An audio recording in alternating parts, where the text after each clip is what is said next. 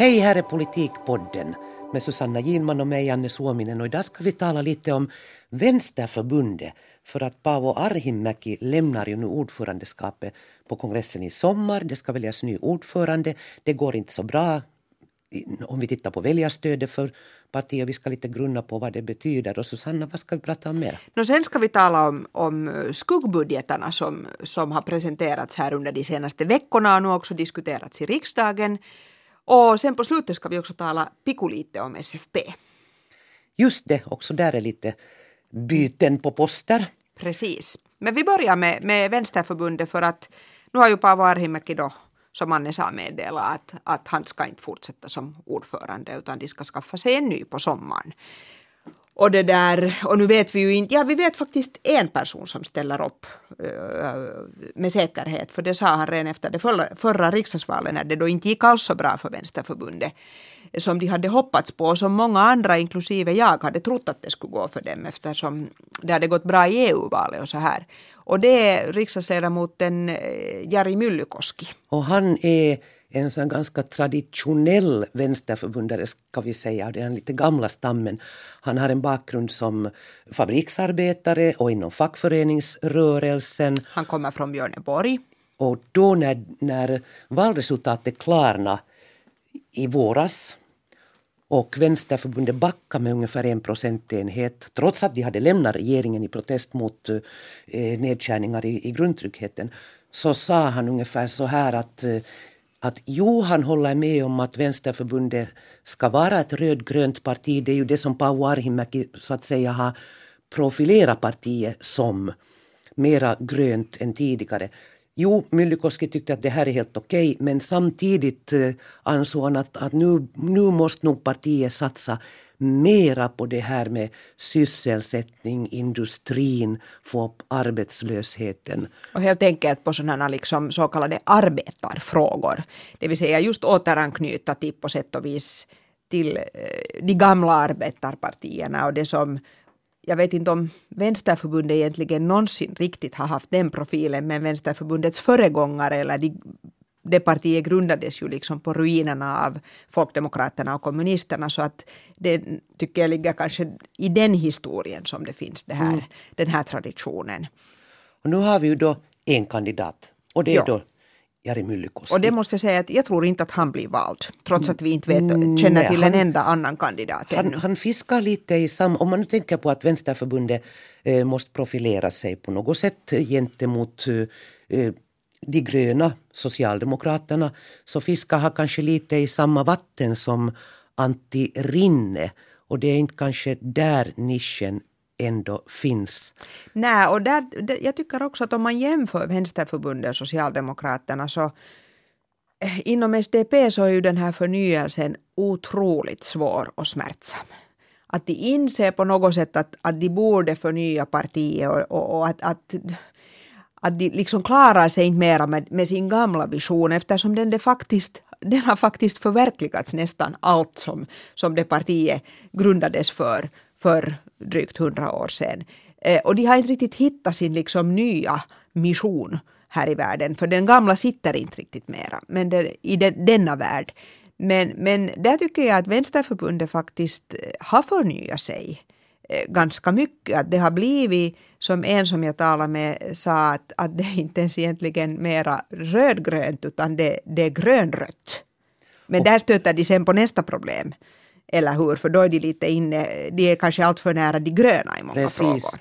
Men, men om man tittar på Paavo Arhimäkis roll i att förnya partiet så, eh, så har han ju eh, lyckats på ett ganska bra sätt tycker jag kombinera det här eh, att vara lite proletär med sin grymma fotbollsentusiasm och sen den här cityvänstern eh, han är ingalunda någon sån här hipster vänsterut men, men graffiti eh, med på alla möjliga demonstrationer också med lite anarkistiska drag ibland. Han har, liksom, han tidigare.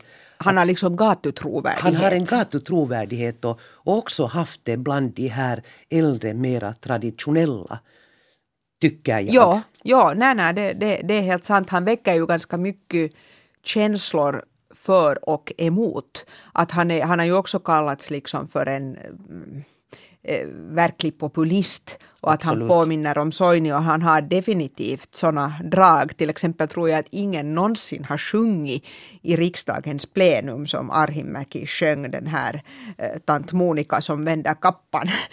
att det där till den melodin. Att det var ju ett ganska uppseendeväckande drag.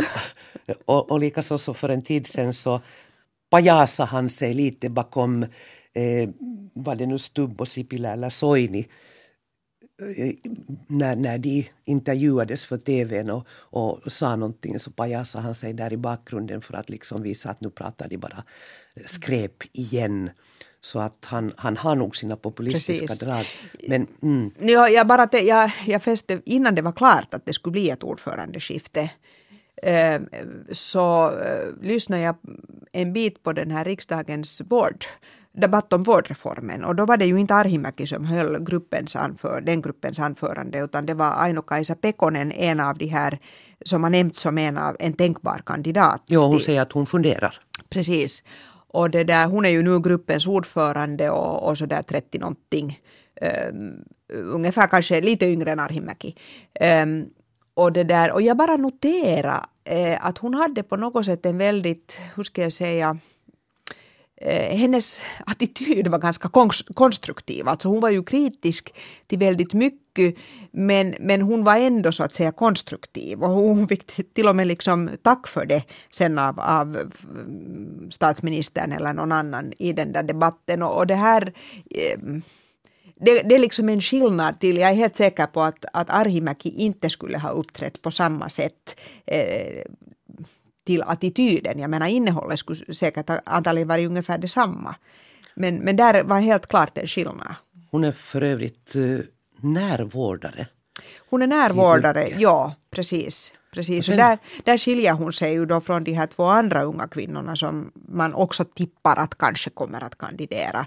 Och det är Li Andersson och Hanna Sarkkinen. Sarkkinen. Och de är alltså, Sarkkinen är 27 och Li Andersson är 28 så de är tycker åtminstone jag, väldigt unga. Men inte nu så unga, nu har, nu har vi haft unga partiordförande också förr. Om man tittar på Vänsterförbundets riksdagsgrupp idag så är den ju eh, ska vi säga, den, den har många unga kvinnor. Förutom då Pekonen, Andersson, Sarkinen så finns där också Silvia Modig. Där finns Anna Kontula. Så att eh, så tillvida så, så är jag ganska övertygad ja. om att, att de väljer en ung kvinna till Det tror jag också. Det, det, det ligger nog väldigt nära till hans. Bara, det, bara nu så att säga det finns kandidater och, och, nu tror jag ju att av de här tre så kommer säkert åtminstone någon, om inte några, att ställa upp. Det tror jag nog. Även om jag kan tycka att det är klokt av dem att, att fundera efter också. Det är ju, det är ju faktiskt över ett halvt år ja. till parti, eller ungefär ett halvt år till partikongressen. Mm. Så.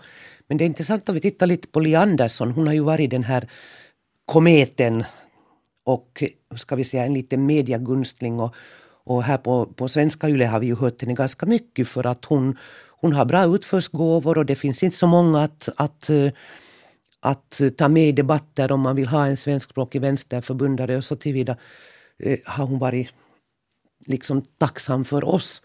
Men eh, nu läste jag häromdagen en blogg på Helsingin Sanomat.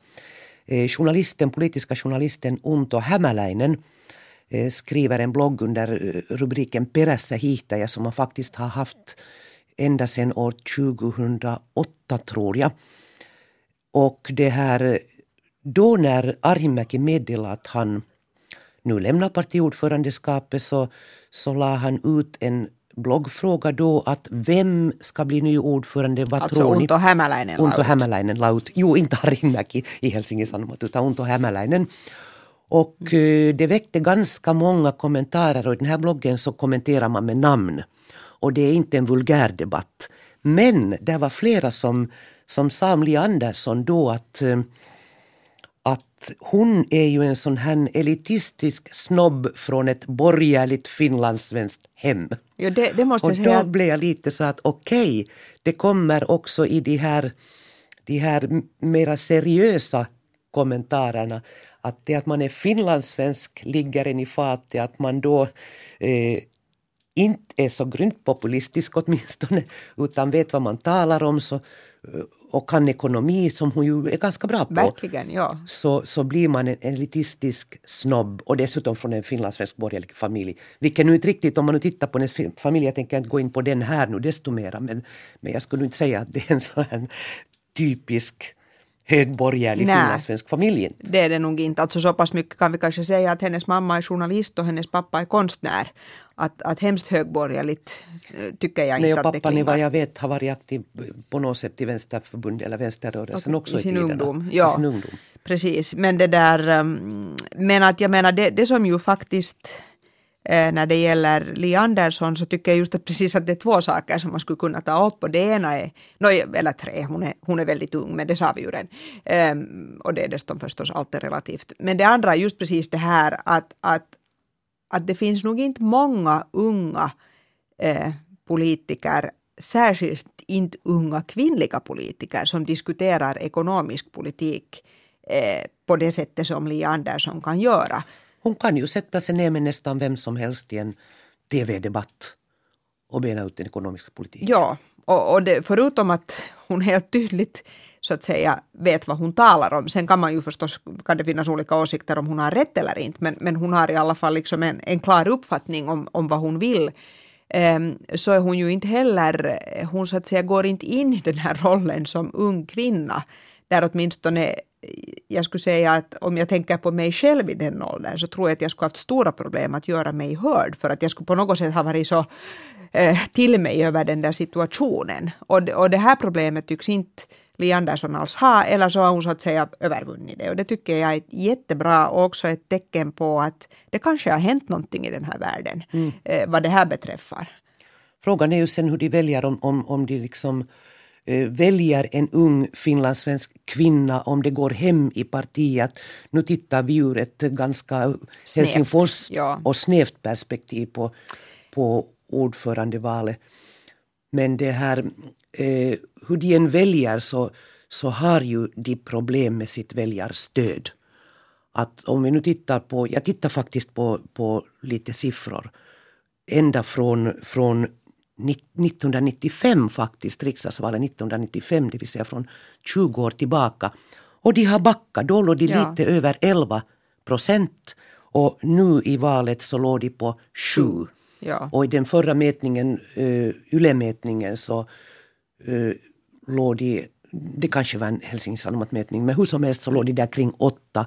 Men, men, men det, Det är det, liksom, mycket. det är inte mycket. Nej. Om man tittar nu på den övriga oppositionen, eller ska vi säga Kristdemokraterna, kanske vi inte behöver titta på så hemskt mycket, och SFP, utan på de här som nischar sig lite vänster, det vill säga Socialdemokraterna och, och de gröna, så i synnerhet Socialdemokraterna, de kammar ju hem stöd nu. De går faktiskt ordentligt framåt. Ja. Och, Men- och likaså de gröna. Ja, Att jo, det vad- är sant. Vad, vad, vad liksom eh, beror det här på? Och de hade, alltså Vänsterförbundet hade fullmäktigemöte här för någon vecka sedan och då var det faktiskt Li Andersson som försökte analysera det, det här. Att, varför, varför eh, får inte vi bättre siffror? Och hennes analys var i korthet den att med den här regeringen så har de borgerliga partierna blivit ännu mera höger. Eh, både mm, Samlingspartiet, Centern och också Sannfinländarna. Och samtidigt har Socialdemokraterna och eh, gröna blivit ännu mera vänster. Att den här nischen för Vänsterförbundet är väldigt liten. Ja, den har liksom blivit mindre. Och sen spekuleras det ju också om nu när i det här senaste riksdagsvalet, i nämligen det Europavalet ett år tidigare, så där fick de sin första valvinst eh, på 18 år, sa Arhimäki själv nu då när han skulle när han hade meddelat att han ska avgå. Eh, och det var ju därför man på något sätt väntade sig att de skulle att det kanske skulle gå bra för dem i riksdagsvalet. Men det kan ju hända eftersom deras linje i den ekonomiska politiken så totalt var en annan än alla andras. Att, att det helt enkelt kanske då inte uppfattades som trovärdigt. När de sa att man är inte tvungen, att på sikt måste den här skuld sättningen vändas men att man ska inte göra det just nu. Att nu, nu, det, nu kan vi ta mera skuld och se till att folk får arbete och så vidare. och jag, jag det kan man förstås diskutera varför, men, men jag tror att det helt enkelt var så att folk inte riktigt trodde att det, att det är möjligt. Mm. Kanske. Att, att det, finns, det sig fanns en annorlunda krismedvetenhet eller? Ja, den, den har lyckats ganska bra den här att, att trumfa igenom den här krismedvetenheten hos folk. Ännu bättre kanske sen efter valet, men det var ju på gång då, redan då.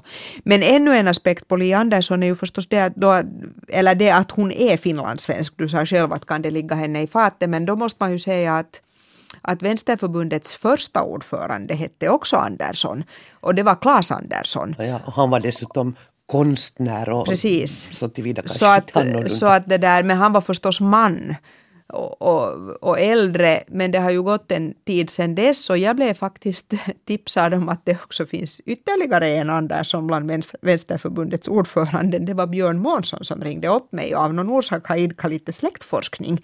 Och det visade sig att Paavo Arhimäkis eh, pappas släkt har hetat Andersson, det var ett dubbelnamn och nu, nu, det var okay. andra delen var så besvärlig så jag, jag uppfattade inte riktigt men i alla fall Andersson och sen var det antingen farfan eller, eller pappan som har ändrat det till Arhimäki. Nå, no, no, har de varit släkt med Björn Månsson då?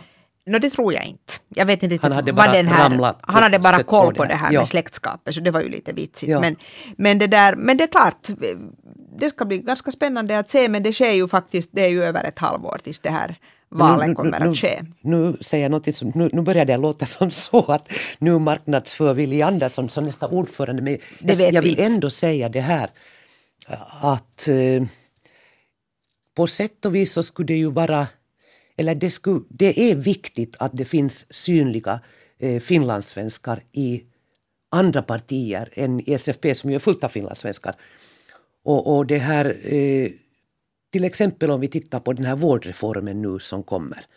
Eh, Socialdemokraterna, de gröna och Vänsterförbundet har alltid, eh, hur ska vi säga, stött svenska eh, anspråk och förstått de svenska behoven. Men nu om vi tittar på den här vårdreformen så kan det ju bli ganska knepigt med de här stora landskapen och, och, och det vet vi båda att, att det till exempel finns en, en stor oro för för Nyland och egentliga Finland. Österbotten kanske löser sig på något vettigt sätt men till exempel i SFP så oroar man sig ganska mycket över, över Nyland och egentliga Finland. För att nu är det ju så att, att eh, social och hälsovården i hela den åboländska skärgården till exempel så sköts, äh, administreras av Raseborg och Kim, nej, nej, av Pargas och Kimitojen. Alltså två finlandssvenska ja, kommuner. Ja, men de kommer inte att ha någon som helst Nej. roll i, i framtiden och det blir något stort fullmäktige i det nya landskapet som, som då har hand om det här där det just skulle vara ytterst viktigt med en, en förståelse och representation för den svenskspråkiga befolkningen. Och har man en ordförande som är finlandssvensk, till exempel i Vänsterförbundet, en ordförande som är från Åbo och har ett starkt stöd där, så det kan ju inte vara dåligt på något sätt. Nej, absolut svenska. inte. För att just i sådana här frågor så handlar det ju på sätt och vis om att ha finlandssvenska glasögon. Mm. Att jag tror ju inte nödvändigtvis att det handlar om illvilja från andra partier. Men de, här, de har helt enkelt inte den där kunskapen. De kommer inte att tänka på att det här så att säga är ett problem. Men, utan de tror att det räcker mm. med att det står att, att man ska nog trygga vården på svenska och det räcker ju inte för det sker inte automatiskt. Men hur är det nu med hennes finlandssvenska glasögon sist och slut? No, det vet jag, det, det, det, det, kan man ju fråga sig för hittills i hennes politikergärning, alltså Li Andersson, så har vi ju nu inte kanske sett särskilt finlandssvenska glasögon. Så att vi får ju hoppas att, att, att de dyker upp eftersom det faktiskt skulle behövas. Men, men för att vi nu inte, som, som Anne redan sa, så, så det här är inte något valprogram för Li Andersson. Alltså jag tror ju att nog att om Aino-Kaisa Pekonen ställer upp så har hon en bra chans därför att hon, hon sitter andra perioden i riksdagen. Hon är alltså riksdagsgruppens ordförande. Eh, hon har inte heller ett oävet väljarstöd i, i Riihimäki och, och Tavastland. Tavastland eh, där hon ställer upp. Så att det där, det har alltså Li Andersson fick ju också massor röster och det fick också Hanna Sarkkinen i Uleåborg. Hon fick näst mest röster efter Paavo Väyrynen. Någonstans eh, läste jag att alltså hon har varit aktiv i den här Hanhi eh, Hanhikivi-rörelsen ja, de här mot som, Fennovoima. Ja.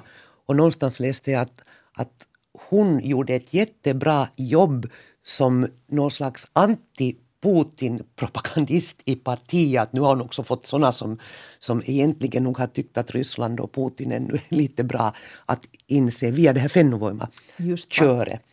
Att inse att, att eh, det är nog inte kanske så bra. Precis. Nu tror jag att jag sa fel när jag sa att Hanna Sarkkinen fick näst röster efter Väyrynen för han ställde ju upp i Lappland. Jag beklagar. Och hon ställer, i Ule, hon ställer upp i Uleåborg. Men hon fick väldigt mycket Hon fick näst mest också. röster i Uleåborg ja. i alla fall. Och det är väldigt ja. mycket för en 27-årig eh, politiker och kvinna dessutom. Så att om alla de här tre kvinnorna ställer upp så blir det säkert ett ganska spännande race. Mm. Och det ska vi ju också säga att Vänsterförbundet kommer att ha en medlemsomröstning och den kan ju då bli om det går så att medlemmarna väldigt starkt stöder en kandidat så kommer den, också om den är rådgivande, så kommer det säkert att ha betydelse. Mm. Men hej, du, ja. ska vi lämna Vänsterförbundet ja. åt sitt öde eller gå över till deras skuggbudget ja, och de andras? Jag tycker att en ganska bra brygga här från Vänsterförbundet är egentligen den här eh, Anderssonska analysen över att Socialdemokraterna och eh, gröna har kommit in på deras tomt blivit mera vänster.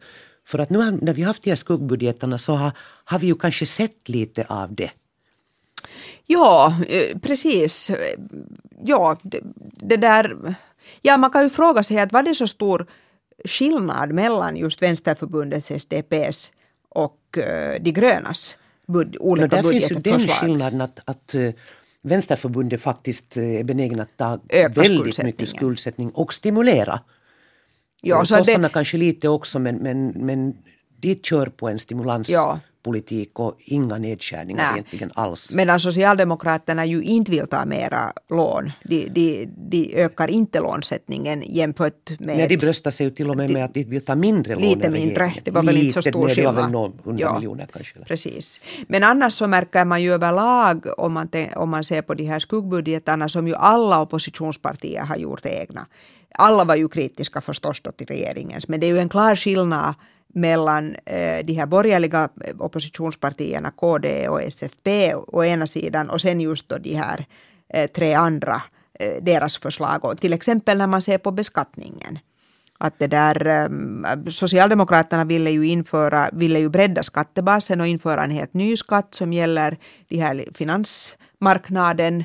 Eh, Eh, vilket ju låter lite överraskande att det är en näring som så att säga då undgår skatt medan man i Danmark har en sån och Norge förbereder och Sverige förbereder också en, en, en, en sån skatt. Så, och, och, och, och, och gröna var inne på att höja, höja kapitalskatten precis. och också skärpa den här så kallade solidaritetsskatten. Och det ville Socialdemokraterna också göra. Ja. De ville införa liksom en ny klass i den att om man förtjänar liksom, den som förtjänar över 90 000 skulle, skulle sen betala och, ännu lite ja, mer. Sen har vi den här eh, helt eh, motsatta skattelinjen som till exempel SFP kör och som SFP fick beröm för i, i debatten om skuld, skuldbudgeterna för de vill eh, sänka inkomstskatten i alla skatteklasser lite mindre för de som har högre inkomster men, men hur som helst. Lite mindre för dem som, lite mindre för dem som har högre inkomster, ja. precis. Ja. Just det. Mindre skattelättnader för de rik, rikaste alltså, ja. Precis, ja. just det.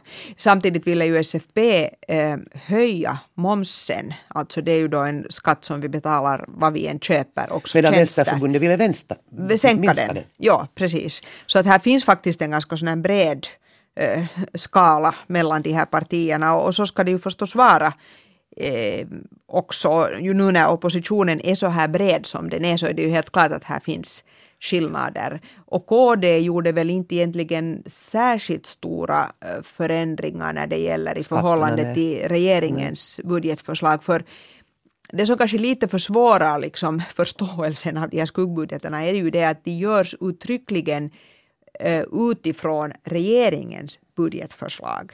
Och då blir det lätt liksom lite förvirrande att, att att vad är det de nu egentligen föreslår eftersom de alltid liksom föreslår i förhållande till vad regeringen mm. har föreslagit. Jag tycker att bistånd är ett bra exempel. Att, att där så sa Socialdemokraterna att, att, det där, att de, vill, eh, de vill inte skära ner på biståndet eh, som regeringen men så visade det sig att nu, nu skulle de ändå skära ner men inte lika mycket som Precis. regeringen. Och sen, sen om man tittar på, lite på biståndet ännu så till exempel tycker jag det är lite intressant att Kristdemokraterna så vill eh, de accepterar liksom de här nedskärningarna som, som gäller FN, Unicef, eh, Martti Ahtisaaris CMI, CMI krishanteringsorganisation. Men de vill då eh, höja biståndsanslag jämfört med regeringens förslag för medborgarorganisationerna. Och här kan man ju eh, kanske, hur ska vi säga, lite elakt säga som så att, att det, det kan ha sin förklaring i att, att väldigt många medborgarorganisationer som, som har biståndsverksamhet så har en mycket kristen förankring. Precis, det finns missionsförbund och, ja. och också kyrkans utlandshjälp förstås ja. och så här. Ja, säkert Men samtidigt när man då är redo att, att skära till exempel i, i den här CMI krishanteringsorganisationen så, så försvårar man ju deras möjligheter. De jobbar till exempel ganska mycket med Syrien, Irak, konfliktlösning i områden varifrån flyktingar kommer hit. Att, att här slår ju liksom de goda avsikterna att hjälpa på plats men sen skära ner så de, de tar ut varandra. Ja, precis så är det. SFP ville ju inte skära ner i biståndet om jag nu kommer rätt ihåg. Att de, mm. de ville inte alls skära ner i biståndet tror jag. SFP föreslog ju också, det tror jag inte att någon annan har gjort, eh, en ganska mycket högre kvot för kvotflyktingar. Alltså de föreslår att det ska vara 2000. Ja, 2500 tror jag det var.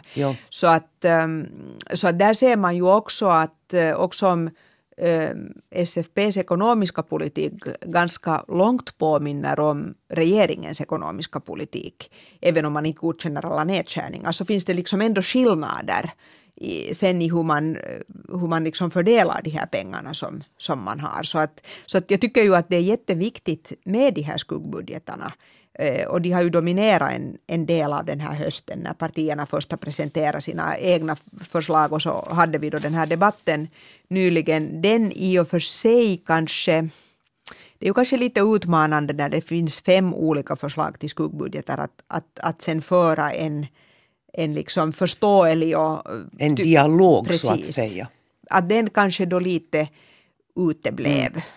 kan man säga. Den påminde mig lite om en intervju med Markus Jäntti som Husis hade för en tid sedan. Han är alltså han, professor i nationalekonomi. Professor i nationalekonomi offentlig ekonomi och har nu flyttat hem från Stockholm till statens, vad heter Watt, statens tekniska... Nej, statens ekonomiska statens forskningscentral. ekonomiska ja. forskningscentral, ursäkta. Och han sa då i den här intervjun bland annat att Tröskeln för att idiotförklara motparten är låg i Finland i den politiska debatten och i synnerhet i den ekonomiskt politiska debatten. Och det, det är ganska beklämmande tycker jag. Jag tittade flera timmar på den här skuggbudgetdebatten faktiskt. Att eh, nu för tiden gör oppositionen skuggbudgetar med hjälp av riksdagens informationsbyrå. De, de alltså gör skuggbudgetar där inkomster och utgifter i stort sett i balans och de är väl underbyggda. Och de fick också beröm av regeringspartierna för att de är väl gjorda, de här skuggbudgeterna. Men ändå så blir den här debatten liksom det här med att man smäller till varandra. Att den börjar med att både Alexander Stubb och Juha Sipilä tackar för konstruktiva förslag och, och, och, för att det är ordentligt gjort och så här. Och så går det en halvtimme och så, så är de där igen. Att den här, det här liksom är ett av de få tillfällena i finländsk politisk, politiskt liv där man har en möjlighet att faktiskt eh, höra alternativ till regeringspolitiken som är underbyggda. Och, och det skulle förtjäna en bättre debatt och det skulle förtjäna, tycker jag, en bättre mediebevakning också. Ja, och det skulle förtjäna en bättre attityd eh, både bland oppositionen och från regeringens sida. För att nu blev det ändå ganska mycket gläfsande. Jag kunde inte se hela debatten men så långt jag såg så sen när liksom själva debatten kom igång så blir det just så där att man kastar liksom ja, jag vet inte vad jag ska säga. Man gör sig lustig lite ja, på varandras men bekostnad. Sen tycker jag att, att, att det här, en viss kritik tycker jag nog att man kan liksom ha mot, eh, mot eh, eh, oppositionen också när det gäller de här skuggbudgeterna. Att, att det här, till exempel har man då i Vänsterförbundet kritiserat de gröna ganska hårt för att de, och, och inom SFP också, för att de de i den förra regeringen var med om att göra en hel rad nedskärningar. Det handlar om barnbidrag, det handlar om, om, om grundskyddet, det handlar om, om utbildningen också då. Och nu står de där som om, som om de skulle liksom aldrig varit med om något sånt. Och ändå var de med nästan ända till slutet. De, de gröna och, ja, och, och Vänsterförbundet. de gick ut på grund av kärnkraften. Precis. Att Vänsterförbundet ja. gick nu ändå ut just på grund av nedskärningar. nedskärningar. Det är sant. Ja, att, men... att lite liksom mindre populism och ärlighet, större ärlighet i vissa fall också nog tycker jag Absolut. i oppositionens Absolut. anföranden. Absolut, jag menar det är inte bara regeringens fel om en sån här debatt blir en slags eh, eh vad heter det? Pajkastning. Pajkastning, precis just det. Att det, där, det, det, det är nog allas ansvar. Men ändå så, så tycker jag också att det, att det här är ju väldigt fint ändå att den här liksom och det är ju riksdagens förtjänst att man har faktiskt gått in för att man ska ha en sån här debatt om, skuggbud om budgeten där också oppositionen får komma med ett helhetsalternativ. Precis. För sen i den här själva budgetdebatten när man debatterar regeringens förslag så då är det ju enskilda frågor och, och, och moment och, och sånt här och då, då liksom skapar man inte den där helhetsbilden. Det blir en total förvirring. Det blir en total ja. förvirring. Så Men, det, det är bra. Susanna, ja. ska vi avrunda den här podden? Nu har vi pratat både Vänsterförbundet och skuggbudgetar. Och nu är det faktiskt så att vi, vi kommer att ha ett uppehåll jo, lite för... In, ja, ja, ja, vi skulle prata om SFP. Mycket snabbt nu. Jo, vi måste just ut ur studion. Det ja. där, nej, jag skulle, vi skulle bara kort säga att SFP har valt en ny partisekreterare. Just idag när vi bandar det här så är det väldigt färskt att den nya partisekreteraren heter Fredrik Gusef och han har faktiskt jobbat inom partifamiljen ganska länge så han är inte något nytt namn. Han är väldigt duktig på att göra valanalyser och komma ihåg hur rösterna har fallit och så här. Men, det där, men han lär vara duktig också på annat. Själv tänker jag att han är en man i ungefär Karl Haglunds ålder och jag tänker att de kanske är väldigt lika även om Haglund själv sa att som personer är de, är de väldigt, väldigt olika. Men vi får se hur det ja, blir. Kvinnor där på Inga kvinnor där heller. Nej, Men som sagt, nu är vi, vi tar en paus på en vecka. Vi är tillbaka onsdagen 9 december för Susanna, du ska ut och, jag ska ut och resa. resa. Vad handlar det om? No, jag ska fara till Gävle i Sverige och, och hälsa på en koncern som heter Mittmedia som ger ut en massa tidningar eh, och där de jobbar digitalt först, vilket vi på Bra, KSF Media och Hufvudstadsbladet också ska börja göra ännu mera. Tack för Fint. oss. Tack för oss, hej hej. Hej då.